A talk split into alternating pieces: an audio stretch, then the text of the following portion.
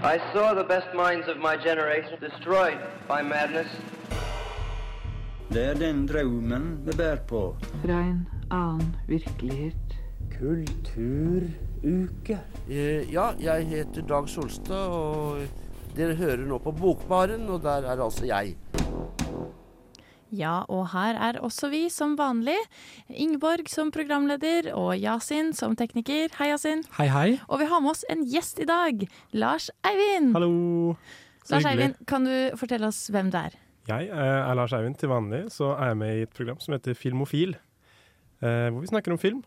Men eh, denne uka så har jeg da eh, begitt meg ut på et nytt eventyr. Jeg har prøvd å lese bok.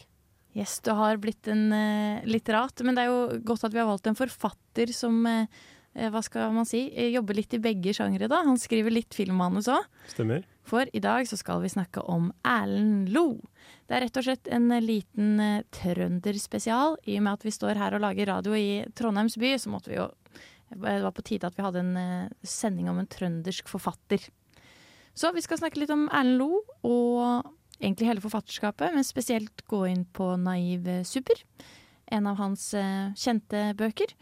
Så hvis du er interessert i å høre mer om det, så må du eh, fortsette å lytte til Bokbarn. Uh, hei, jeg heter Zishan Shakar. Du hører på Bokbarn på Radio Revolt. Det gjør du, og i Bokbarn så snakker vi om Erlend Lo. Um, jeg tenkte bare å uh, høre litt med dere. Hva er deres forhold til Erlend Lo? Har dere lest noen bøker av han før i dag, eller før Naive Super? Jeg husker når jeg var liten, så fikk jeg lest Kurt, i alle fall. Men var det var ikke jeg som leste den selv. Eh, Jeg fikk den lest til meg. Så med unntak av det, Erlend Loe er like ukjent for meg som eh, holdt på å si eh, hvem som helst andre ukjente forfattere.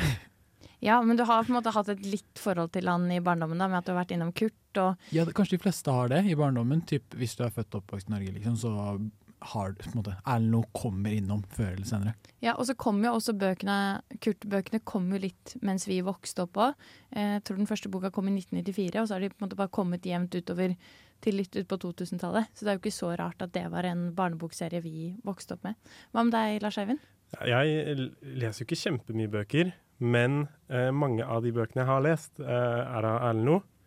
Jeg har ikke lest kjempemange av de heller, men eh, mitt første møte med Erlend var med Doppler. Den fikk jeg eh, i bursdagsgave av en venn som mente at den eh, ville passe meg. Og det gjorde den. Jeg syntes den var kjempemorsom. Uh, og så har det skjedd senere at en annen venn har anbefalt uh, Dyrene i Afrika, så jeg har lest den. Så jeg har fått mye, mye Jeg har fått anbefalt Erlend Loe mange ganger. Og det har falt i smak. Og så har jeg sett noe av uh, Jeg har sett Kurt bli grusom-filmen. Og så har jeg sett Alle hater Johan, som kom ut i fjor. Den filmen. Veldig morsomt. Så jeg Ja, av de få forfatterne jeg har forhold til, så er han en av de. Kan jeg spørre om en ting? Jeg håper jeg Kom ditt møte med Erlend Loe litt sånn fra filmen til litteraturen, eller var det fra litteraturen til filmen? Det var faktisk Nei, det var fra, fra litteraturen, ja. Det var det. Det var jo da jeg fikk den, eh, er en Doppler i, i bursdagsgave. Kan jeg spørre når det var, når, hvilken bursdag fikk du den? liksom? Var det ungdomsskolen-tiden, Nei, det er ikke lenge siden. Nei, jeg ble 20 år. Nå er jeg jeg blir 23 denne uka, så da tre år siden. Mm. Yes, Og leste Doppler, og det var kanskje liksom den første boka jeg kan huske å ha eh, ledd høyt av. Jeg humra veldig mye av den. Det er det jeg syns er Det fineste med Erlend Loe, er at det er morsomt, og han skriver, han skriver med et veldig artig ordforråd. Han bruker morsomme ord. Ja, jeg, jeg syns det er et kjempekompliment til en bok at den får deg faktisk til å le høyt. Ja. For det skal litt mer til at en bok gjør det, enn at en film gjør det. Mm. Så de gangene man har en sånn opplevelse, så må det jo bare virkelig regnes som ja, god litteratur, og noe som treffer spikeren på hodet for leseren. da. Ja, absolutt. Jeg husker sånn, uh, i alle fall, Vi har jo lest en annen bok i dag. uh, skal ikke snakke om den ennå, men jeg lo ikke høyt. Så uh, kanskje du har et annet, litt sånn annet inntrykk av noe enn det jeg har. Det litt sånn hende. humoristisk vri på det, kanskje. Han har jo en veldig sånn særprega stil som følger hele forfatterskapet, og ofte litt sånn like eh, hovedkarakterer, føler jeg, som av en eller annen måte føler seg litt sånn fremmedgjort eller tilsidesatt, og har en, en eller annen slags krise. Så kanskje folk kjenner, kjenner igjen eh, Eh, ja. et eller annet som du setter pris på med det her, da, men litt sånn ja, Ja, det er vel det at det Plaget er- hovedkarakter, liksom. Ja, det er ofte, det er ofte uh, pers store personlige kriser uh, som tilnærmes på veldig sånn nedtonet vis. Altså, problemene snakkes om på en litt sånn enkel, barnslig og veldig direkte måte. det er veldig morsomt. Eh, hvis det gir mening. Det skal vi snakke mer om med boka vi har lest denne uka. Ja, ja. Ja. Men det, det, er liksom det, det er enkelt samtidig som det er så utrolig omstendelig. Liksom utlegningene. Altså sånn, det er veldig mye repetisjon, og han liksom, han går tilbake til ting. Og liksom, en hel bok da, kan handle om liksom, nesten den enkle tingen det er å liksom kjøpe melk. Altså, ikke helt der, da, men liksom, han får veldig mye ut av ikke så mye handling. Da. Ja. Og så er det jo den stilen til Erlend Loe også når han leser, som underbygger det her veldig godt, syns jeg, da, med det litt sånn det monotone tonefallet som bare sånn passer perfekt. Det er stemmen til karakterene er Erlend Loes stemme. Ja, Det er ofte eh, på en måte absurd oppførsel som man ikke ville forvente av vanlige mennesker. Eh, Men det skrives om som om det er de mest naturlige ting. Som, å, som i Doppler, når eh, Doppler eh, bytter eh, elgkjøtt mot eh, en liter skummamelk, eller hva det er. Det er aldri en menykjøpmann som ville godtatt å bare bytte elgkjøtt fra en mann. Som, sånn funker det ikke, ikke sant? men det funker i Doppler. Og det er vel en innbruddstyv hos Doppler på et tidspunkt. Uh, og han inviterer han til å sette seg ned, og så prater han med innbruddstyven i hans eget hjem. Sånne morsomme ting som Og så bor han jo med en elg som redder han da han skal stjele en travel size Toblerone fra Bongo. ja, Bongo. Elgen Bongo. Uh, han, han dreper moren til Bongo. Eh, Ganske brutalt. ja. Ja. Så bor han med Bongo. Altså, kan jeg stille et spørsmål? Preges eh, det som kanskje har litt, lest litt mer Erlend nå, preges på en måte av alt som ikke kan skje i virkeligheten, skjer i bøkene hans? på en måte? Ja. Samtidig som det er på en måte veldig virkelighetsnært. For det er jo, på en måte, det er jo satt i liksom ah, no, Han dro ut i Nordmarka. Altså sånn eh, ja, Det baserer seg liksom på virkelige steder og på en måte sånn eh, vanlige hverdagsfolk, da, hverdagshendelser, samtidig som Lars Eivind sier sånn Det er noe surrealistisk over det. Fordi, ja, du Ja. får ikke bytta eh, selvfanga elgkjøtt mot skummamelk. Og det er aldri sånn Det står aldri Det er helt utrolig. Bongo står plutselig på døren. Det er sånn Og der er Bongo. Han kommer og redder meg. Som om det er den mest vanlige tingen i verden. Ja. Sånn deadpan-litteratur. altså eh, Ja, litt. Ja. Overraskelsesmomentet kommer uten at du forventer det, og det beskrives på en veldig sånn hverdagslig måte. Ja, ja. Altså, han har et ekstremt nært forhold til den elgen. Liksom. De snakker sammen. Og, eh, eller elgen snakker ikke, da, men sånn, han kommuniserer mye med blikket. Og på en måte, er, er, jeg holdt på å si Erlend Loe. eh, Doppler forstår på en måte hva bongo vil. Eh, så det er jo et element av det fantastiske i det, kan man si. Ja. Jeg ha- hadde samme, litt samme greia. Jeg leste Doppler tror det også var sånn i starten av 20-åra. Men så husker jeg at jeg huska det coveret veldig godt fra liksom, ungdomsskolen. For det er jo et melkekartongcover. Ja. Eh, bilde av melkekartongen til jeg tror det var tiende. Eh, så jeg bare sånn tenkte den boka må jeg lese. Og så leste jeg det, og så likte jeg det kjempegodt. Så leste jeg hele Doppler-serien. Og der tror jeg det er nummer to, Volvo lastevogner, som jeg liker best. Ja. Og så ja, har det blitt noe super og helvete og litt forskjellige bøker opp igjennom. Jeg liker Erlend Loe veldig godt. Det gjør jeg òg. Men vi skal jo snakke mer om Erlend Loe etter hvert, og kanskje gi en eh, liten skissering av hvem han er, og litt mer innblikk i forfatterskapet. Hei, det er Tove Nilsen som har skrevet roman fra Nedre Singsaker, Singsakerbakken, og som endelig nå får være i Trondheim igjen i Bokbarn. Ja, og her i Nedre Singsakerbakken, der uh, står vi, og vi snakker om Erlend Loe. Jeg vet ikke om han eh, noen gang har uh, vandret opp og ned i Nedre Singsakerbakken, men det er jo godt mulig. Han er jo fra Trondheim, er født og oppvokst her. Og hvem er Erlend Loe som forfatter? Er det noen av dere som vet hvilken roman han debuterte med? Eh, ja, jeg vet, eh, men til gjengjeld så ah, jeg sjekket Wikipedia. Ja. Eh, men eh, romanen han debuterte med, er 'Tatt av kvinnen'. Det stemmer, og den kom han med i 1993. Og sånn som det framstår Nå kjenner jo ikke jeg Erlend Loe personlig. men sånn- Gjør du ikke det? Nei. Eh, da hadde han eh, kanskje stått her ved min side. Eh, men sånn som det framstår fra liksom, eh, mediebildet og eh, bibliografien hans, så har han på en måte levd av, som forfatter siden den debuten. Mm. Den eh, boka fikk veldig gode mottagelser. Og kun noen år senere, tre år senere, i 1996 Sykt bra år, forresten. Eh, hilsen yours truly. Eh, så kom Ingvor Riis til verden, og Naiv Super eh, ble utgitt. Og det ble jo på en måte gjennombruddet til Erlend Loe, sånn virkelig. Både nasjonalt, men også internasjonal anerkjennelse for eh, Naiv Super. Som på en måte eh, har fått den benevnelsen at den er en generasjonsroman, og at den på en måte favner rundt hele den 90-tallsbobla. Og jeg har nevnt det tidligere, men jeg syns på en måte det er veldig mye generasjonsfilmer, generasjonsromaner fra 90-tallet. Det virker som det var en eh, liksom, tid som det var lett å ta tempen på, eller hvor ting var ganske sånn eksplisitt. At du kanskje så samfunnet mens du var i det. For ellers er det jo veldig vanskelig å se den samtiden man lever i, mens man faktisk lever i den. da. Ja, fordi jeg tenkte på en ting når det kom til 90-tallet, når jeg leste litt òg. Uten å snakke om handlingen av Isuper, så handler, foregår det jo på 90-tallet, eh, antar jeg. Eh, den perioden kjennetegnes jo litt av eh, Murakami, the, eh, 'The End of Time', eller jeg husker ikke hva boken het, eller essay, eller hva det var. Men at samfunnet eh, har på en måte gått riktig vei, demokratier skal seire, muren har falt. 90-tallet kjennet på en måte, Det er en periode der alt ser ut til å gå riktig vei, da, og at de store drivkreftene i verden går i én retning, og da er det på en måte litt vanskelig å eh, kjenne sin betydning hvis alt, annet, alt går perfekt. Men samtidig så er det også veldig lett å bare si å ja, 90-tallet eh, kjennetegnes jo bare at ting går bra, så da må vi bare se til fortiden for å se hva som var feil, eller hva som var bra på en annen måte. Eh, nå prøvde jeg å oppsummere en årsperiode, det, det gikk jo litt dårlig, men prøvde. Ja, ja, men, og det er jo litt av det eh, Erlend kommenterer på i den boka om veldig mange andre sine bøker òg. Sånn, går det egentlig så bra? For hovedkarakteren i Naiv Super har jo en slags sånn eksistensiell krise med sin tilværelse i verden, som jeg tror på en måte har blitt en ting som har vært veldig betegnende for eh, alle de som er født på 90-tallet og videre. Da. Liksom generasjon, prestasjon. Det, alt er så tilrettelagt og liksom lagt opp for at det skal gå bra.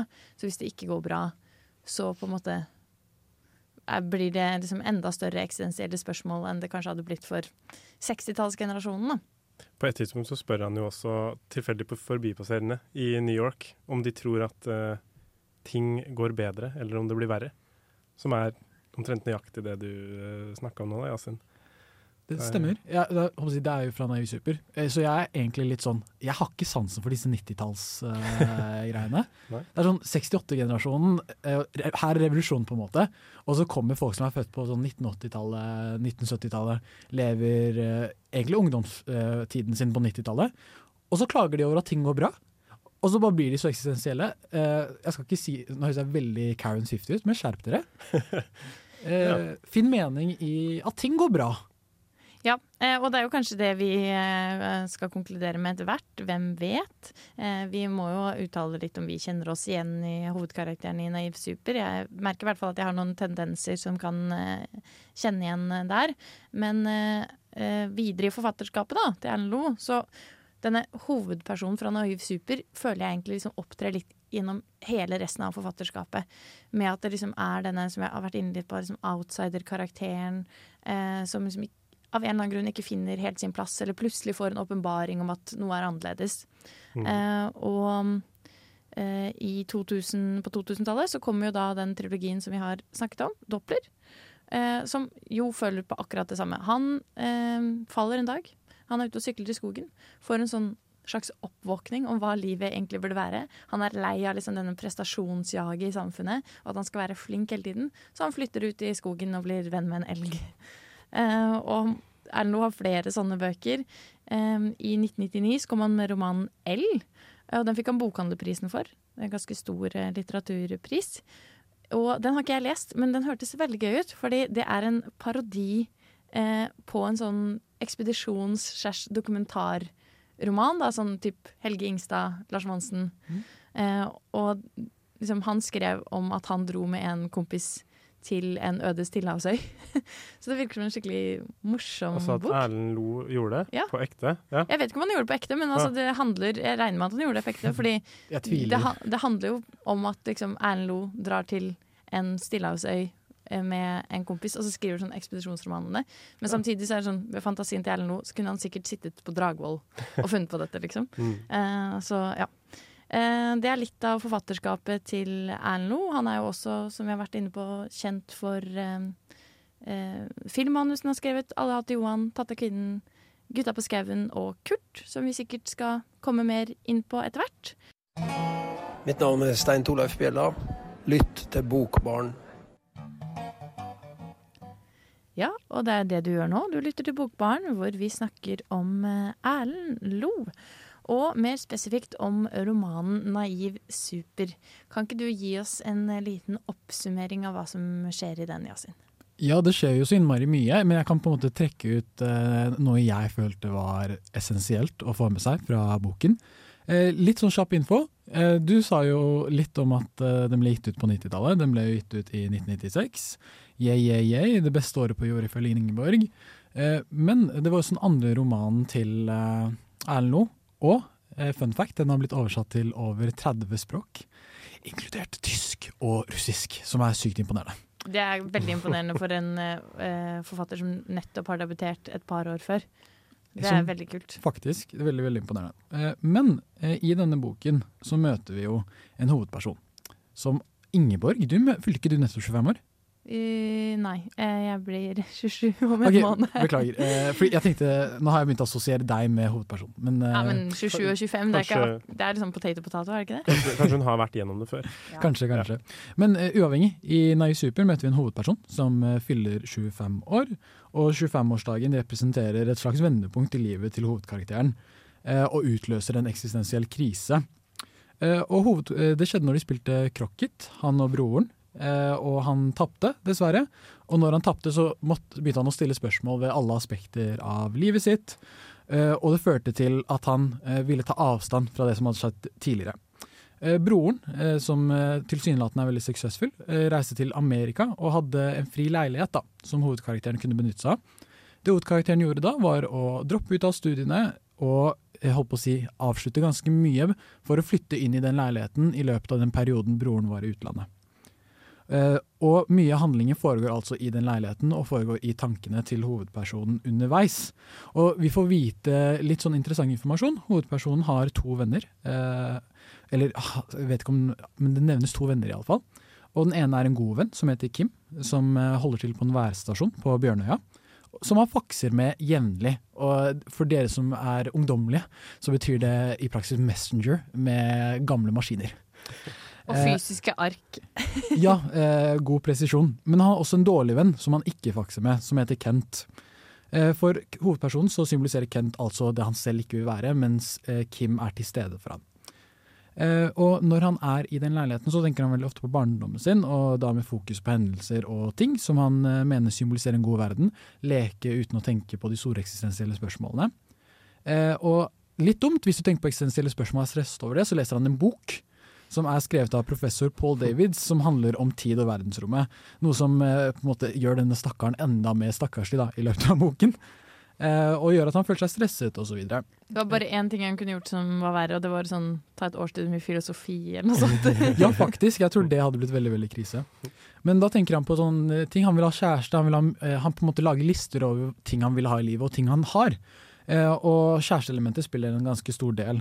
Eh, og så møter han jo andre karakterer som kan være essensielle å få med seg. Han møter den lille gutten Børre, som er fem år og går i barnehagen, som uh, slik jeg tolker det, symboliserer iallfall deler av det han ser på som uskyldig og godt med verden. Og de har mye felles interesser og koser seg med det. Og så møter han også en uh, kvinne som heter Lise, som sakte, men sikkert i løpet av boken blir hans kjæreste. Og han blir forelsket, og hun symboliserer også noe av det gode ved livet. Og det, En hendelse som er veldig sentral i boken, er, eh, og på en måte boken avsluttes med den hendelsen, er at han reiser til New York for å besøke broren, som eh, altså da opererer i kapitalistisk Amerika. Eh, og når han er i New York, så møter han eh, folk. Han møter, eh, han møter seg selv, egentlig. Eh, ved å, han finner ut hva han føler på, i mye større grad. Han finner ikke ut alt, men han på en måte kommer til et stabilt sted. da. Eh, og det skjer veldig mye spennende i New York, men eh, det er kanskje essensen av det hele. Ja. Han er veldig skeptisk til å dra til New York. Ja, veldig motvillig. Han må overtales av broren. Det må han. Det stemmer. Men det viser seg å lønne seg. Ja. Det er litt sånn som du sier, når du oppsummerer det på den måten, så skjer det jo på en måte ganske mye. Men samtidig så er det en bok om på en måte veldig lite. Mm. Og det, jeg tror det er fordi vi har hele tiden det her perspektivet, reflekterende, liksom selvreflekterende perspektivet til hovedpersonen, da, som for så vidt ikke har noe navn. Um, så vi på en måte er i hans hode hele tiden, og derfor så føles det ganske ut som det er ganske lite ytre handling, da. Jeg lurte på en ting. Jeg klarte ikke å Jeg, prøvde, jeg tenkte han med en gang, men jeg fant ikke noe i boken som tilsier at det er en han. eh, når jeg tenkte over det, så jeg bare lurer på, er det noe Er det, er det et clou jeg missa, som sier at denne eh, navnløse hovedpersonen er en han? Oi, det er veldig interessant, da. Ja, nå stiller du et godt spørsmål. Jeg, jeg har ikke liksom finkjemma om det er noe tegn der. Men jeg, altså jeg, jeg bare fikk en sånn, for, sånn Ja, for, forutinntatthet om at man går Ja. ut fra at det er han. Men liksom, det er disse barndomsvennene uh, som liksom For eksempel da, Kim, som liksom likte de samme tingene og likte å leke med de samme tingene, og som også Eller som er en mann, da. Så derfor så var det en av grunnene til at jeg tenkte sånn Han er en mann, men eh, han kan jo være en dame òg. Ja, det hadde vært veldig gøy hvis eh, dame. ja, i 1996 bare spilte eh, Bare ikke aktivt eh, okay, fucka med alle sammen, da. Og bare var sånn Å nei, dette er egentlig ikke en han, men bare skulle vise oss det. Men jeg tror, Nå spiller jeg altfor mye inn i dette. Det er sikkert en han en eller annen eh, ting som, som bekrefter at det er en han, som er eh, den navnløse hovedpersonen. Men det er bare en tanke jeg hadde i hodet, da, som jeg ville dele. Ja, og det er jo et en veldig aktivt valg å ikke gi hovedpersonen et navn òg. Og det kan jo ha med hensyn til at man liksom, det skal være litt sånn spekulativt på kjønnet. Men jeg føler litt av hovedgrunnen til at personen ikke har et navn, er på en måte at han har, måte, han har ikke svaret på noen ting, hvis du skjønner. Altså det er det den herre eksistensielle krisen har gått så dypt at han har på en måte ikke et navn lenger engang. Altså, han stiller på en måte spørsmålstegn til alt, samtidig som han er veldig sånn eh, liker å ha klare han liker å ha klare svar, men han liker også å stille spørsmål. Altså sånn, han lager eksempel disse listene. Da. Det er jo veldig sånn ordensmenneske, og da har han det svart på hvitt. Han føler seg mye bedre. Men han liker også å lese i en bok som bare stiller store spørsmål og ikke gir noen svar. Ja, jeg tenkte litt over det òg. Jeg følte, eh, eller Hvis jeg snakker om handlingen i seg selv, jeg, jeg følte det skjedde så mye, og det irriterte meg veldig når jeg leste. Eh, bare I need eh, action. Det var bare sånn ja, tenke, tenke, tenke. Ja. Ja, jeg, jeg hører at du har en litt sånn følelse rundt boka. Hva syns du egentlig om boka? Ah, hva jeg syns eh, Jeg tror jeg kan bruke et halvt år på å forklare hvorfor jeg Jeg skal ikke være pessimistisk, jeg bør egentlig være positiv. Eh, jeg er egentlig en positiv person til alle lyttere. Men eh, jeg tror det preges litt av at jeg leste den ferdig i morges, og jeg hadde sovet litt dårlig. Så jeg tror på en måte mye av skepsisen min kommer fra mangel av søvn, som på en måte har kommet til Som jeg manifesterer, eller bare pro, er det projiserer på boken. Så du kjenner deg egentlig litt igjen i hovedkarakteren? Å Å nei, ikke ekspos meg på den måten! Nei da, jeg skal ikke, skal ikke gjøre det. Eh, men hva med deg, Lars Eivind? Eh, du har jo lest boka tidligere òg, men ja. du, vi har skjønt at du er litt Erlend Loe-fan. Ja, jeg er jo det. Jeg hørte jo Naiv Super på lydbok første gang jeg hørte, og så leste jeg den en gang til før eh, denne sendinga. Fordi jeg syns, jeg syns det var helt greit å lese den igjen, for jeg syns det er en fryd å lese den. Og eh, Bra vi er én positiv person her. ja, nei, jeg, og det med listene, det er en ting jeg liker veldig godt, og som er mye av grunnen til at jeg liker Erlend Loe. Og eh, et, på, måte, på et tidspunkt så kommer det jo eh, Han skriver om en ting, og så plutselig står det 'Dette er hva jeg ville malt dersom jeg var en maler'. Det kommer helt ut av det blå, og så er det bare en liste over ting han ville malt ut som maler, og så går det videre. Men akkurat det der er jo litt sånn hvordan det er på en måte å være menneske òg. For det er nesten Ja. det, Han skriver jo ikke i 'stream of consciousness', men det er jo en sånn der fri bevissthetsstrøm. Eh, og så bare sånn Det som melder seg, får han et behov for å liksom skrive ned på papiret. Ja. Eh, så det liker jeg veldig godt. Det er, sånn, det er veldig genuint hvordan det er å være menneske. Og kanskje særlig hvordan det er å være barn, som jeg føler mye av boka handler om. Han går tilbake til barndommen hele tiden. Men da er det jo veldig sånn det er nesten bare opplevelse på opplevelse på opplevelse, inntrykk på inntrykk på inntrykk. Det har på en måte egentlig ikke noe sammenheng. Det er mer sånn, ja, bare en, en strøm av innhold da, som, og tanker som kommer mot deg og gjennom deg. Ja, hei, jeg heter eh, Rune Kristiansen, og jeg hører på Bokbarn. Og vi snakker om Naiv eh, super, romanen av eh, Erlend Lo. Og før vi hørte litt eh, musikk her, så var vi egentlig inne på litt hva vi syns om romanen. Og det er litt eh, blanda følelser i studio. Men jeg må bare si at jeg er en, i likhet med Lars Einevind, en Erlend Lo-girl. Jeg, jeg liker den stilen veldig veldig godt. Jeg hørte den jo på lydbok til i dag. Og den, eh, den fungerer særdeles godt også i lydbokformat. da. Det er Erlend Loe som har lest den, ikke sant? Ja. Ja. Det var egentlig noe veldig imponerende at han eh, er kjent for å lese inn lydbøkene sine, så Mm. kudos til han for det. Eh, jeg kan jo si, I og med at jeg er den kontrære stemmen på Bokbarn nok en gang, eh, så kan jeg forklare litt om hvorfor jeg er skeptisk, iallfall. Jeg går jo inn med, og det handler litt om min leserstil, jeg går inn med en intensjon om å ikke bli utfordret så veldig ofte. Eh, og på en måte eksistensielle spørsmål er kanskje den største utfordringen man kan få. Eh, når jeg begynte å lese boken, så var det mer sånn å ja, denne boken er veldig alminnelig, den prater om ting som er så hverdagslig at jeg på en måte er sånn ah, det her eh, appellerer ikke til meg, men når jeg liksom tenkte litt over hva som sto der, så er jeg jo enig, den tar opp temaer, eh, og alt det er veldig, veldig bra. Ulempen er bare at jeg føler at jeg kunne liksom ikke ta lest en artikkel på eh, en debattartikkel om eh, filosofi, og fått like mye ut som jeg fikk av eh, hovedkarakteren sine lange tanker. Men er det fordi liksom, eksistensielle spørsmål skremmer deg?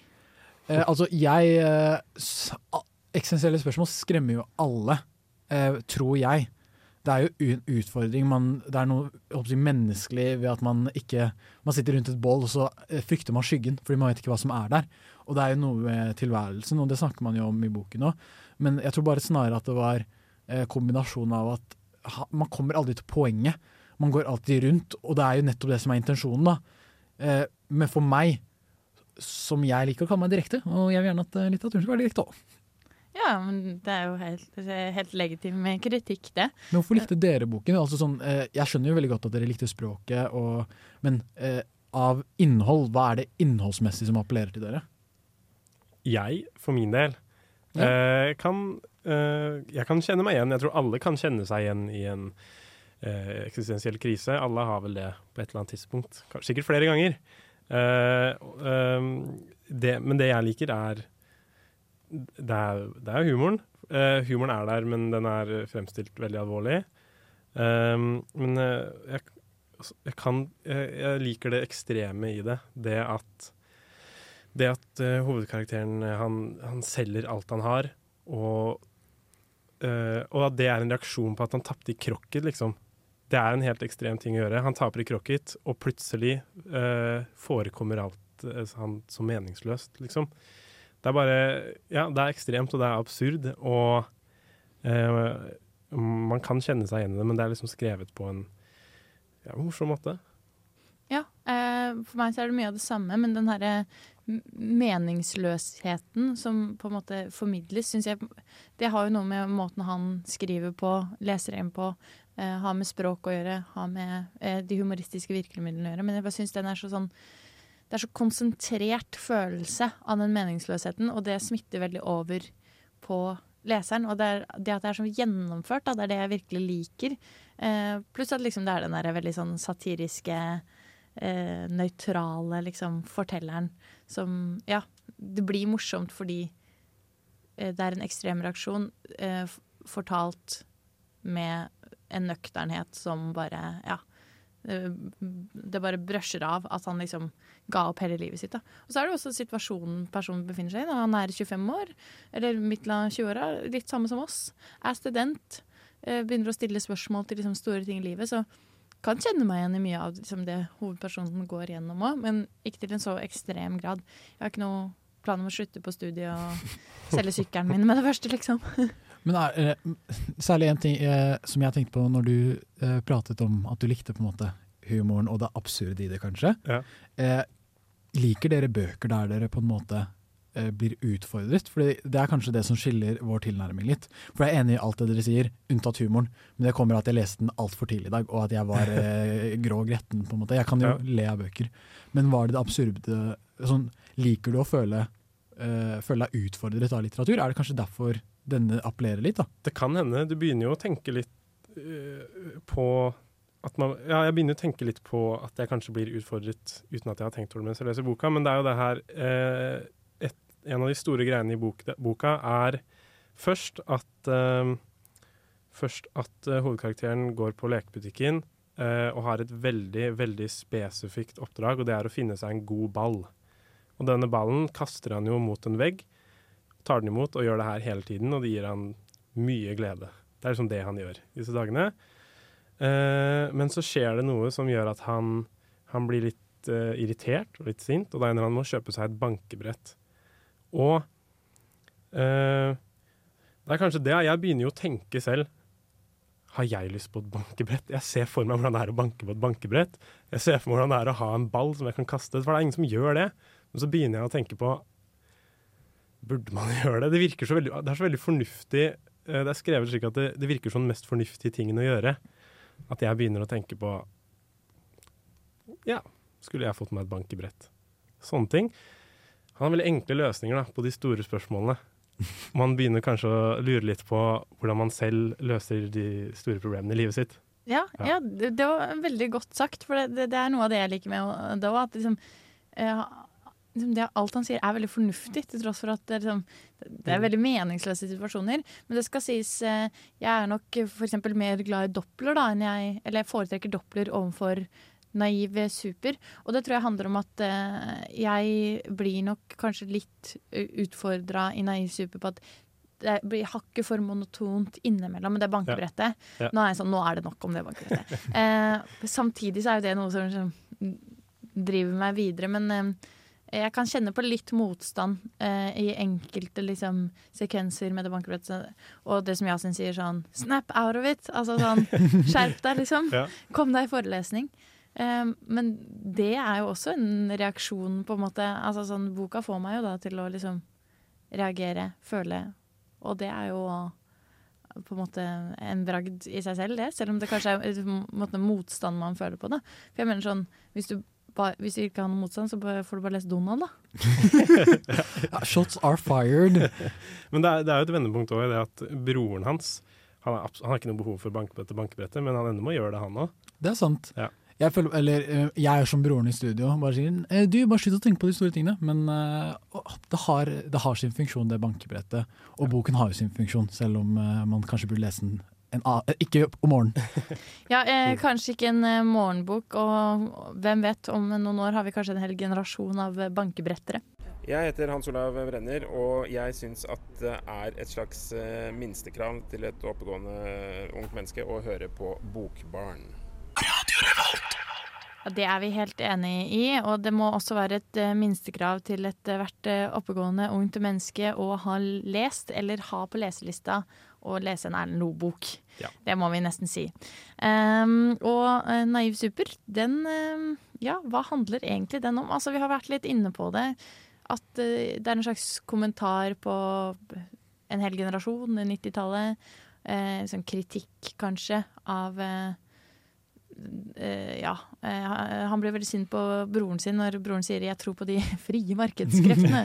det er litt sånn, ja, eh, kritikk av at alt, alt går bra, samtidig som jeg føler også det er jo en litt sånn kritikk til hovedpersonen og at sånn som har alle disse eksistensielle ø, problemene og liksom bare går litt i ring rundt seg selv, så er det jo en slags sånn oppfordring til han å sånn ta deg sammen. Men hva føler dere den egentlig handler om? Jeg fikk litt sånn ulike tanker eh, når jeg leste underveis, og det eh, var veldig spennende å innse at jeg skjønner ikke helt hva Erlend Loe prøver å få fram. Eh, det jeg tenkte intuitivt var sånn, at det er meningsløshet, eh, fordi si, boken han leser av eh, Dr. Paul snakker jo om verdensrommet, snakker om Big Bang, snakker om at alt kommer til å bli borte en dag. Mennesket er en blipp i jeg håper å si, en jævlig lang historie. Men når jeg faktisk gikk litt mer inn i det, jeg følte, selv om mange kanskje sier at Naiv Super det er ikke noe sånn eh, veldig direkte samfunnskritikk, så følte jeg det var ganske mye samfunnskritikk, eh, eller kanskje litt mer sånn eh, kritikk overfor sånn sosiale strukturer, og individets evne til å eh, ikke se forbi seg selv. Det eh, særlig de listene når det var sånn Å, nå har jeg sett en eh, dude ved Subwayen som sliter.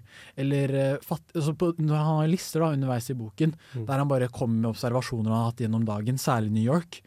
Eh, og det er nettopp det at han på en måte Alle de som sliter i livet, er bare et punkt på en liste.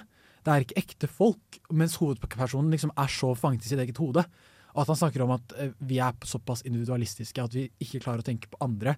Og først når han, hovedkarakteren i slutten av boken begynner å tenke på andre, så han, finner han mening. Og at det liksom eh, er en måte Kanskje han er en afrikansk filosof som er sånn eh, Å, vi finner fellesskap av hverandre. Du er menneske i, og med at du har andre rundt deg. Og at det kanskje kan være en beskjed, da, selv om han ikke er en afrikansk filosof. Selvfølgelig. Mm. øh, jeg, er helt, jeg er helt enig. Og øh, det er interessant det du sier med, med fellesskap òg. For jeg føler øh, Eller jeg, jeg opplever boken som en refleksjon på de store og de små tingene. Det er veldig store kontraster. Det er jo det at han, han selger alt han har, flytter inn i den leiligheten. Det er drast, en drastisk ting å gjøre. Eh, men samtidig, det eneste han tenker på, er hva, alle de små tingene han var glad i da han var liten. Han liker å kaste, og så driver han og kaster om ballen og driver med bankebrettet. Veldig enkle ting. Og så i det neste så blar han opp den boka om de største eksistensielle spørsmålene og leser avanserte tekster om tid. Så drar han til New York, men der går han tur med en hund. Ikke sant? Det er veldig sånn Jeg vet ikke helt hva jeg får ut av det, annet enn at, jeg, at jeg, man tenker over hva som er, hva som er viktig, da. Ja, Av store og små ting. Ja, men tenk, Det her spiller jo kanskje litt på tittelen på boka. ikke sant? Naiv. Eh, altså Det er jo litt naivt å sitte og banke på det bankebrettet, eh, liksom. men, men han vet jo egentlig at eh, om så og så mange tusen millioner år så kommer verden til å eh, ende i the big chaos, eller hva han Mm. professoren eh, kaller det. Og han The har big måte crunch, hatt- Big crunch, ja. Yeah. Um, og på en måte han har liksom innsett for seg selv sånn Å ja, men min eksistens og det jeg gjør, er på sånn Det har ingenting å si uansett. Så, men så sitter han og banker på det, altså, det bankbrettet. Det er veldig sånn naivt. Og han ser jo ting litt sånn med barnets øyne òg. Altså, sånn, bare jeg får det bankebrettet, så ordner det seg, liksom. Eller sånn, bare jeg lager den listen, så går det bra. Ja. Eh, men samtidig sånn, ja. ja. samtidig som han er veldig innsiktsfull også. Så det, sånn, det varierer. Så det er kanskje det, det er superdelen av han, og så er naivdelen en annen del. Jeg vet ikke. Jeg tok meg veldig i å bare Oi, jeg savner barndommen min litt òg. Eh, selvfølgelig når du på en måte kan eh, løpe rundt i nærområdet og ringe på dørklokken til vennene dine, og da er det eneste du trenger å tenke på er eh, leke etter skolen, lek i friminuttet, og at hverdagen din, å si, verden er deg, din familie og dine venner i en veldig sånn lukket og skjermet måte. da. Bekymringsløst. Ja, nettopp. Og at eh, den naiviteten er jo super, eh, superpoweren til eh, kids. Børre er jo bare et eksempel, liksom. Ja, det er også det, det er en viss Det er noe litt ukomfortabelt, syns jeg, med den blandingen av voksen og barn. Fordi han er en 25 år gammel student som tenker han, han virker jo smart. Han har jo, eh, det er jo folk som har sagt at han, han bør Den dårlige vennen hans har sagt at han bør ta den Mensa-testen. Han tror at han er intelligent. Han virker som en smart fyr, men samtidig så har han veldig barnslig tilnærming til alt mulig. Jeg syns det, det er en komfort. Det, kan, det er det, da. Han finner komfort i det barnslige, så han går liksom bakover på en måte, samtidig som han tenker på fremtiden. Og for eksempel bare det at han eh, Han husker ikke hvor broren er. Han husker bare at han er et sted som begynner på A, og han håper det er Afrika. Men så er det Amerika. En, altså, en voksen student ville huska det her. Men det er, veldig, det er typisk barn å ikke vite helt hvor broren din er. Et sted som begynner på A. Jeg ble skikkelig, åh, Det her er en ting som irriterer meg veldig ved boken, det, og det var særlig det som vennskapstema. Der han har ikke-gjensidig vennskap. Både som Kent, som er den dårlige vennen, er en dårlig venn. Får han til å ta en mensattest, eller vil at han skal ta mensattest for å være sånn 'Å, jeg er smartere enn deg'. Det er Kent sin innstilling. Mm. På den andre siden så har du Kim, som faktisk tar kontakt, er alene på en øy. Og så tenker han bare 'Å, fy faen, eh, Kim tar for mye kontakt med meg på faks'. Ja. Og det er innstillingen. Så det er bare sånn eh, Du, jeg skjønner hvorfor du bare har to venner, liksom, hvis det er tilnærmingen du har til vennskap. Og han syns Ja. jo det er eh, fælt å måtte møte Kent og ta én øl med han. Ja, fy flate. Ja, eh, for det igjen er jo også sånn veldig banalt helt på barnenivå. Liksom, ja. Ja, og han sier det jo selv, akkurat disse ordene. Ja, en god venn og en dårlig. Ja. Altså, sånn, det er helt svart-hvitt da, i verden hans. Eh, men så plutselig så liksom blander han inn en sånn gråsone når han begynner å lese den her tid, tidboka. Jeg føler egentlig den representerer alt som på en måte er usikkert, men så har han veldig mange andre ting som er veldig sikkert. da. Det er enten sånn, eller så er det sånn. Mm. Eh, på den listen så står det disse, disse dyrene, og disse, disse dyrene har jeg ikke sett. Eh, så det er sånn veldig behov for å liksom ha kontroll, samtidig som han veldig aktivt selv da, oppsøker det ukontrollerbare, da, ved å f.eks. lese i denne boken om tid. Ja, jeg tenkte litt på noe av det samme, men jeg tenkte også at, for å være helt ærlig, dere, eh, vi må bare si det, denne karakteren er irriterende. Denne karakteren er faktisk eh, sylirriterende. Det er bare sånn, jeg prøver å illegge gode intensjoner, men ah, fy flate! Ja, spesiell i hvert fall. Han er spesiell, men han er vel sånn Jeg forstår meg litt på han. Ja, ikke sant? Og Han må- trenger ikke forståelse, han trenger beinhard disiplin. Jeg må ta meg selv òg i at øh, Kent vil jo at han skal ta mensatesten, selvsagt fordi han vil være bedre enn Ja. det, Men uansett så opplever jeg ham som en intelligent person. Han er ikke dum, Men han oppfører seg som et barn noen ganger, ja. Dere er så snille. Kaller denne hovedkarakteren snill og smart og Jeg er ikke slem. Han henger med Børre. Han er, eh, han er eh, smart og snill, og Kent er eh, dum og slem. Nei da. Sex with you is really a Kafkaesque experience. Thank you. Bokbarn. Bokbarn. Og vi snakker fortsatt om eh, Naiv Super. Og mens vi hørte litt musikk her, så kom vi inn på Kanskje det er litt sånn eh, kritikk i boka fra Erlend Lo sin side av eh, blant annet en stor ting som kom på 90-tallet, internett. Eh, at det blir mer og mer digitale løsninger, og at vi lever rett og slett i et eh, mer og mer eh, inhumant samfunn, da. Det er liksom, eh, som Yasin så klokt eh, sa her, at det, liksom, det er lenger mellom menneskene. Og kanskje dette er noe av det som bidrar til den eksistensielle krisen som eh, jeg kaller han eh, Naiv Super har, jeg. Ja, jeg er veldig veldig enig. Jeg tenker særlig på en hendelse som fanget meg litt i boken. Da jeg var sånn, dette var en veldig sånn, eh, det var et veldig tydelig kritikk da, av informasjonssamfunnet, eller på en måte det digitale samfunnet som vi kjenner i dag. Eh, Den er skrevet i 1996, og jeg tror sånn, eh, begrepsbruken speiler det. I hendelsen, eller i scenen som jeg sikter til, så er det en bilforhandler. Hovedkarakteren, en han, antar jeg, eh, har fått i oppdrag av broren å kjøpe en bil.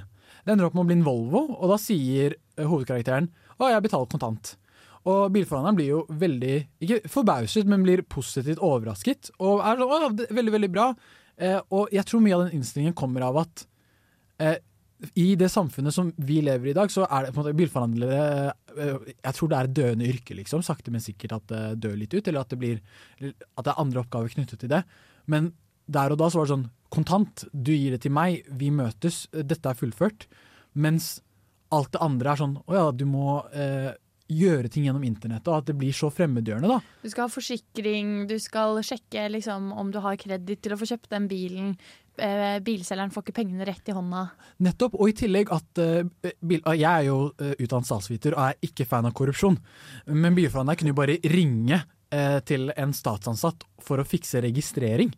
Uh, og det kan jo ikke skje i dagens samfunn. Da er det sånn forespørsler, det må sanksjoneres av en saksbehandler, bla, bla, bla. bla, bla. Og at eh, det var på en måte mye lettere eh, for de med connections da, på den tida å få ting gjort. Og at de slapp alle de tregsomme byråkratiske stegene imellom. Men i den hendelsen her da, så kommenterer jo han eh, Naiv Super, jeg bare har begynt å kalle han det, Ja. Vi kan begynne med det. Um, eh, at liksom Å, ble du glad for at eh, jeg betalte kontant? Så sier bilselgeren ja. For nå føler jeg at det er en handler. Han, ekte handel.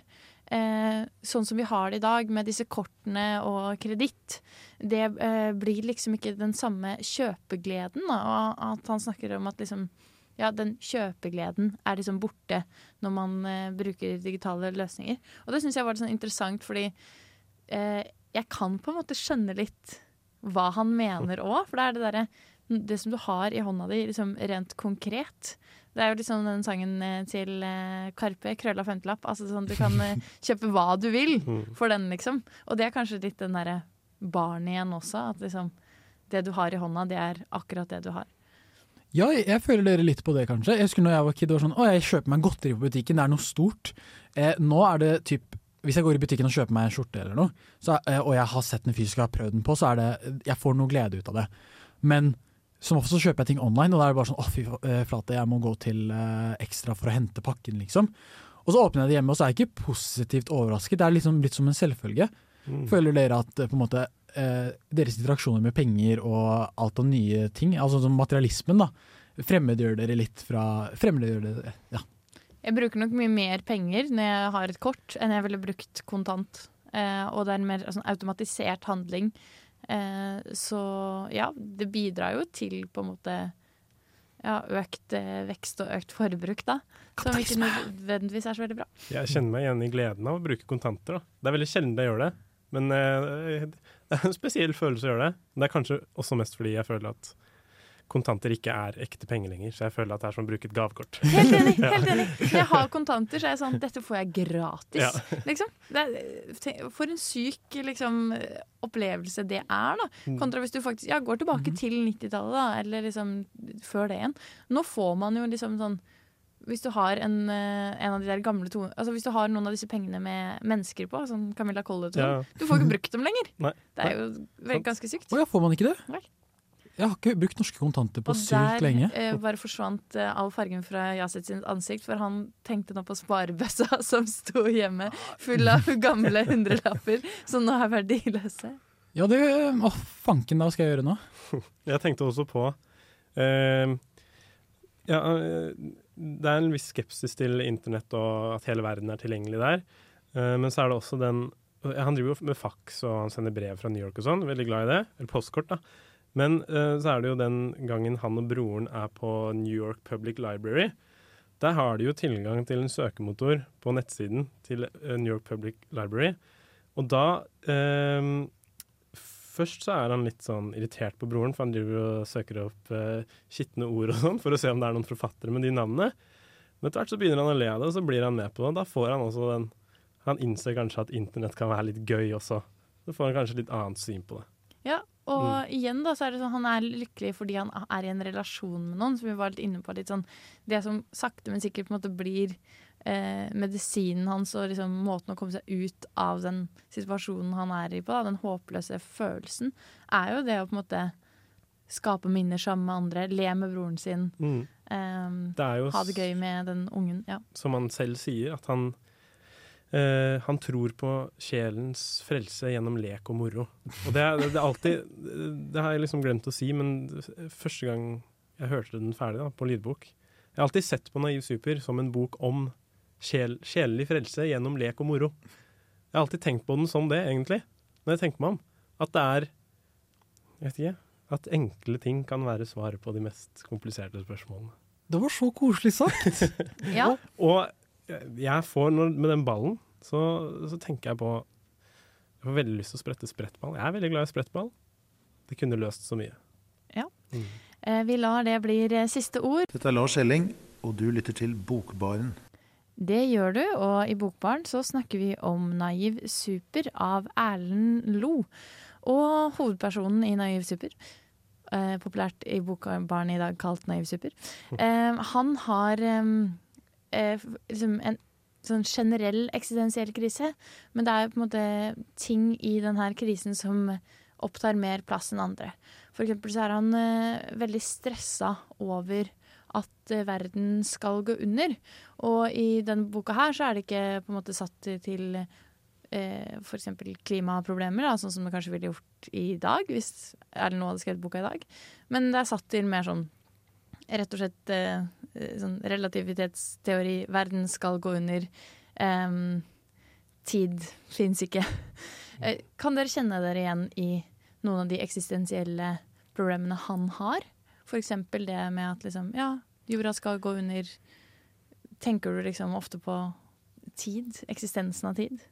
Jeg tenker mye på fremtid. Jeg, tenker, jeg er veldig glad for at jeg ikke tenker veldig mye på at jorda skal gå under, og liksom at Og jeg tenker ikke så mye på om ting betyr noe eller ikke.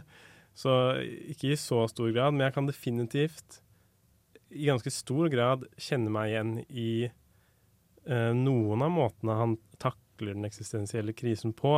Jeg kan fort ta meg selv i å liksom Ja, jeg er jo i 20-åra, og er kanskje i min beste alder, men med veldig usikker framtid. Snart ferdig med studiene og vet jo ikke hva jeg skal gjøre. Jeg er sikker på at det kommer til å gå fint, det er jeg.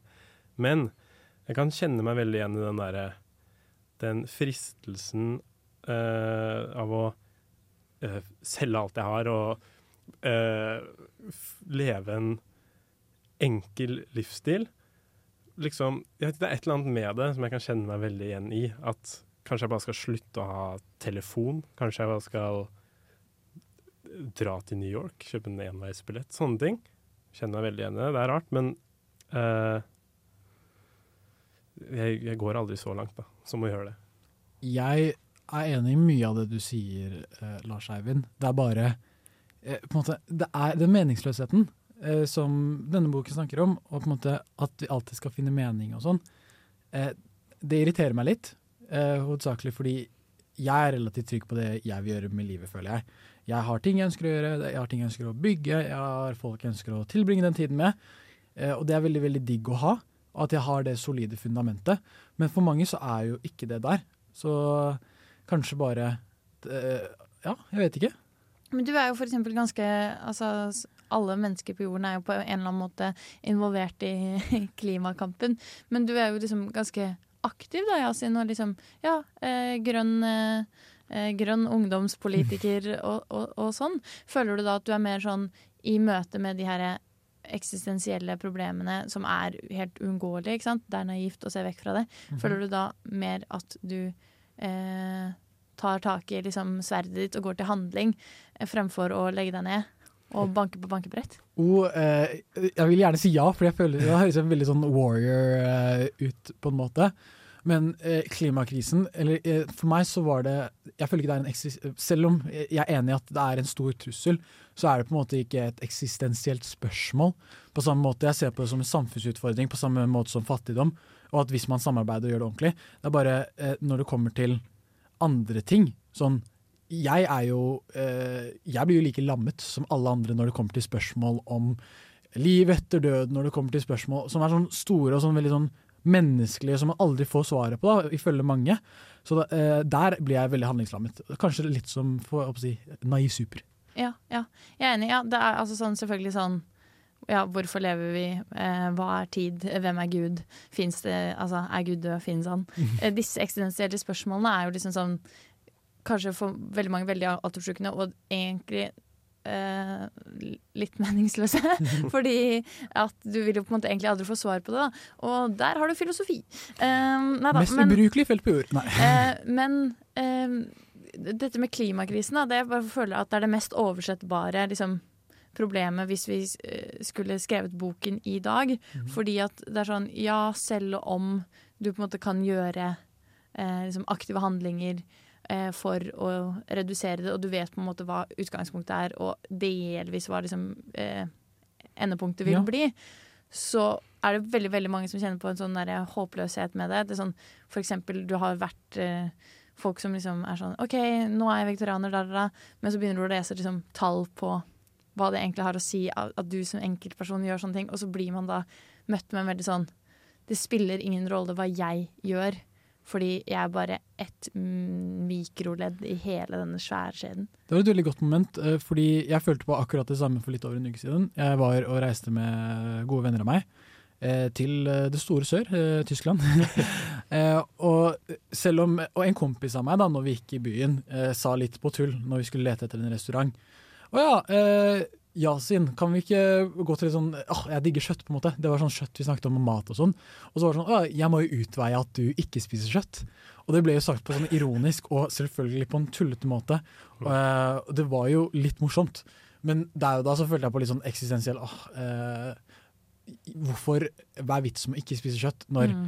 uh, andre folk bare spiser det, og så kommer vi aldri til å være Eller iallfall i mitt hode, så kommer vi ikke i alle fall de kommende årene til å være flere vegetarianere enn eh, kjøttetere. Så man føler seg jo litt lammet, og man møter jo sånne små eksistensielle ikke, ikke, okay, Sånne små situasjoner hver dag, da. Ja, og selvfølgelig nå er- var det her en tull da, eh, med, med kompisen din, Ja. men sånn, særlig kanskje i møte med personer som har et helt annet eh, verdisyn og et verdensbilde på en måte enn det du har, så kan man føle på den her håpløsheten at sånn men det jeg gjør spiller jo ingen rolle, fordi her er naboen min, og han gjør det totalt motsatte. Og det kan være i klimakrisen, men det kan også være sånn Ja, ta situasjonen i Ukraina nå, da. Altså sånn Der har du på en måte en som vil slutte å krige, og en som vil krige. Altså sånn, Du spiller på en måte Du føler deg liksom sånn veldig hjelpeløs når det er sånn Naboen din gjør det helt motsatte. Han står og skyter på deg, mens du prøver å si sånn Kan vi ikke bare snakke sammen? Ja, hvordan kan man håndtere en sånn situasjon, sånn, eh, uten at bokbarn skal uh, ha løsninger på verdenskrisene? Så må det jo på en måte For meg så er jo ikke litteraturen er litt sånn escapism, da, fra å måtte stille spørsmålene. Det er derfor jeg leser eh, fantasy. Er, fordi jeg syns det er gøy. Uh, det beskriver en verden der på en måte magien er et verktøy som løser alle utfordringer, og sult. Da kommer jeg opp med en trylleformel som lager umenneskelig mye mat. Eh, noe à la noe sånt. Å, er det fattige folk som lever i det landet? Egentlig så er alle sammen superhelter, og så har de et skjold rundt seg som Nei, nå, snakket jeg, nå snakket jeg litt sånn eh, Black Panther-kopi. Men ja, er litteraturen en slags sånn escapism, altså noe dere kan gjemme dere i? Ja, til en viss grad, men sånn, denne boka her liksom får meg jo mer inn på det sporet av å liksom stille spørsmål til alt. Så den her liksom fucker egentlig litt mer med hjernen min, da. Jeg sa det i stad eh, når vi hørte på musikk her, men at eh, jeg tenker sånn, Hadde jeg lest den boka her i sånn tidlig tenår, da hadde jeg kanskje blitt eh, mye mer stressa altså, enn jeg gjør av å lese den liksom nå, hva skal jeg si, i voksen alder. Fordi den liksom Ja, den gjør noe med på en måte tankesettet ditt på et vis. Fordi den liksom sånn Den er så ekstrem i det han gjør, da. Med at han liksom bare ja, gir opp alt for å sitte og banke på et bankebrett. Ja, det, det er interessant at du sier, for når jeg tenker meg om, så hørte jeg den på lydbok første gang eh, mens det var korona. Det var mitt første år som student. Eh, men pga. korona var det mye hjemmestudier, og jeg jobba veldig mye. Så jeg hørte på lydboken eh, hver dag frem og tilbake på bussen, til og fra jobb. Og man kan vel si at det var en slags stabil livsstil jeg levde akkurat da. en destruktiv fase. Nei, men tingen er jo at eh, den, Det kan jo også ha noe med at vi står og diskuterer den veldig mye nå. Mm. Men jeg, mens jeg leste nå, så gjorde jeg meg opp mye mer tanker og følte mye mer enn enn jeg tror jeg gjorde første gang jeg hørte den. Første gang jeg hørte den, så var det det var humoren og det var ordforrådet som uh, satt igjen. Men uh, denne gangen så gjorde den litt mer, litt mer inntrykk. I tillegg til å fortsatt være morsom. Ja, og det er jo også to forskjellige måter å ta inn Eller to forskjellige medium da, å ta inn boka i. Eh, vi har jo alle her hørt den på lydbok en gang, og du har lest den fysisk. Jeg har bare lest fysisk. Du har lest fysisk, ja.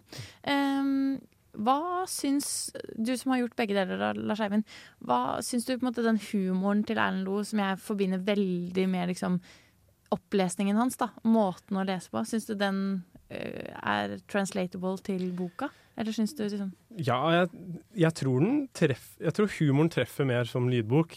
Eh, spesielt med alle de her listene. Fordi Erlend Loe han ramser jo opp alle tingene på listene. Du vet aldri hva som er neste. Når du leser hele listen som en enhet, så får du ikke samme timing, da. Fordi mye i disse listene er Det er veldig rare ting. Eh, det er sånn en liste over ting han setter pris på. Ja, eller den kvitteringen. Eh, Det har vært en sak på svensk eh, TV om eh, noen statsansatte som har brukt kommunens midler til å dra Ja. på heisatur til Polen eller noe sånt. Og da Ja. leser han opp sånn derre Best Western Hotel, Best Western Hotel, Hydra Texaco, og så har de vært på en sånn sexklubb, da. Så er det sånn um, Hot fun sex, hot fun sex. Altså, altså, han sier det liksom igjen og igjen og igjen. Ja. Og det blir veldig sånn gøy i eh, det talende mediumet, da. Ja, jeg lurer kanskje på, fordi jeg har jo bare lest boken, eh, og at det kan ha gjort at jeg ikke så som Jeg syns ikke den var så innmari morsom, men det har, eh, og jeg har jo forklart konteksten når jeg leste den, men Mm. kanskje også eh, bare boken i seg selv. Når jeg bare har en listemor, så er det liksom ah, det er litt rart. Og så leste jeg jo lista, men jeg fikk jo ikke sånn ha-ha-ha-moment ut av det. Nei. Men på lydbok så har man, man hører på en måte nyansene i tonefallet, eh, og jeg antar, selv om Erlend har jo et veldig kult skjegg, og alle folk med kule skjegg er jo veldig morsomme folk. Jeg har skjegg for alle som ikke vet det. Eh, så. Ja, eh, eh, men det skal sies. Forskjellen, eh, eller en stor forskjell, er jo at i den fysiske kopien så har du mye sånn eh, det er For eksempel når du driver og søker opp det her, så har Erlend Loe tatt skjermbilder fra eh, New York Public Library sin nettside. Hvor du, på en måte, det er mye sånne, Og så er det noen dokumenter og sånne ting eh, som, som er trygt i boka. Skanne den trygt, som gjør det. Det er veldig morsomt òg. Så må du lete litt på sidene etter søk, hva de har søkt på eh, på biblioteket. Så leter du, og så ser du ordet 'fitte'. Så det, det er litt morsomt, det òg. Ja, det er den traff. Den traff. Og så er det liksom noe med at du kanskje blir eh, liksom, eh, Hvis du leser den fysisk, da, at du får mer innblikk i selve den prosessen. Skriveprosessen til Erlend Loe. Han har faktisk sittet og tatt screenshots av dette. De Ja. mailene han sender, er faktisk, som du sa, da, ekte mailer. Og det får man jo ikke vite når man hører den på lydbok. Nei, det gjør det ikke. Det er veldig gøy. Og eh, det er også en liste over alle organisasjonene Norge er del av. Den lista regner jeg med at han eh, ramser opp Oh, i yes. lydboken. Oh, yes. Når jeg leser boken, så skummer jeg over, for jeg tenker å lese hver enkelt. Ja, fordi det gjorde jeg ikke. Det var sånn, ah, The Australia Group, hvorfor er Norge medlem der? Jeg var sånn, ok, Det er jo godt poeng, hvorfor er ikke Norge medlem der? Men det, er jo, det var et humoristisk element som jeg bare ikke catcha opp på fordi jeg leste boken. Ja, ikke sant. Ja, og det er nok eh, kanskje en grunn for eksempel, til at Erno Erlend leser alle sine egne bøker. Det er jo en styrke han har, det at han liksom er så Jeg vil jo t på en måte tro at han, når han skriver, så tenker han også litt med sin egen stemme i Ja, hodet. det. Eh, Så det fungerer veldig godt at han leser sine egne bøker. Han er veldig kjent for å gjøre det på Bokbadet og sånn, og og lese høyt fra romanene. Hmm, så kanskje det er liksom, hvis du først skal lese boken, så er tipset vårt å høre på lydboken, da. For da får man med seg Ja. Hvis det er første møte med Erlend Loe, så hør på lydbok. Og hvis du liker det du hører, så får du utforske litt etter hvert. da, Om du vil eh, lytte videre til det han har skrevet, eller om du vil eh, plukke opp boka og lese den fysisk. Og eh, vi skal komme med noen ytterligere lesetips utover Naive Super. Du, Magnus, jeg fant en skikkelig kul ny bok. jeg. Hysj! Du kan ikke snakke ved biblioteket, men du kan høre på Bokbarn hvis du har headset. Og det kan du. Og hvis du hører på Bokbarn eh, nå, så er du heldig, for du skal nemlig få noen lesetips. Eh, Lars Eivind, har du en bok du vil anbefale oss? Den eh, siste boka jeg leste ferdig, var Erlend O, det også. Men jeg kan jo anbefale den. da. Var, eh, den heter 'Dyrene i Afrika'. Den eh, er nok den mest eh, Den er ganske ekstrem i hva den handler om. Men det er jo også litt sånn eksistensiell kriseopplegg, for det er fem eller seks eh, nordmenn som sakte, men sikkert opplever at de har, føler en viss eh, de, de føler seg tiltrukket til dyr. Eh, og disse de møtes og blir venner. Og eh, så begynner de liksom å utforske det her sammen. De blir veldig gode venner, og så bestemmer de seg for å dra eh, til Afrika for å ha sex med fem typer dyr. Eh, jeg husker ikke alle, det er nok Det er i hvert fall løve. det, er i hvert fall løve. Det er liksom den siste store løven. De drar ned til eh, Afrika, eh, til et selskap som heter Fauna Fuckers. Eh, det er et eh, sånn eh, lite firma i Afrika som tar folk med ut på, på ut i det afrikanske landskapet og bedøver dyr og lar folk ha sex med dyr i trygge rammer. Og dette gjør de da. Eh, de sier at de gjør det i eh, miljøkampens navn, men egentlig så er de alle sammen bare veldig glad i å ha sex med dyr. Men ja. Ja, så igjen da, så er det liksom en litt sånn samfunnskritisk eh, stikk fra Erlend Loe, samtidig ja. som det er liksom veldig absurd og humoristisk. Det er det. Og så er det det eh, som vi snakka om i Naiv Super, at det er store problemer som snakkes om på en veldig alminnelig måte. Her snakkes Eller det, det å ha sex med dyr, det skrives om som om det var en ganske naturlig ting. De gjør liksom ikke noe stor greie ut av det. Ja. Eh, den høres eh, veldig spennende ut. Jeg har ikke lest den, eh, men kanskje det blir en lydbok i løpet av våren. Hvem vet? Hei, hei. Dette er Vigdis Hjort. Jeg liker navnet på denne radiokanalen, Radio Revolt. Hør på magasinet Bokbarn.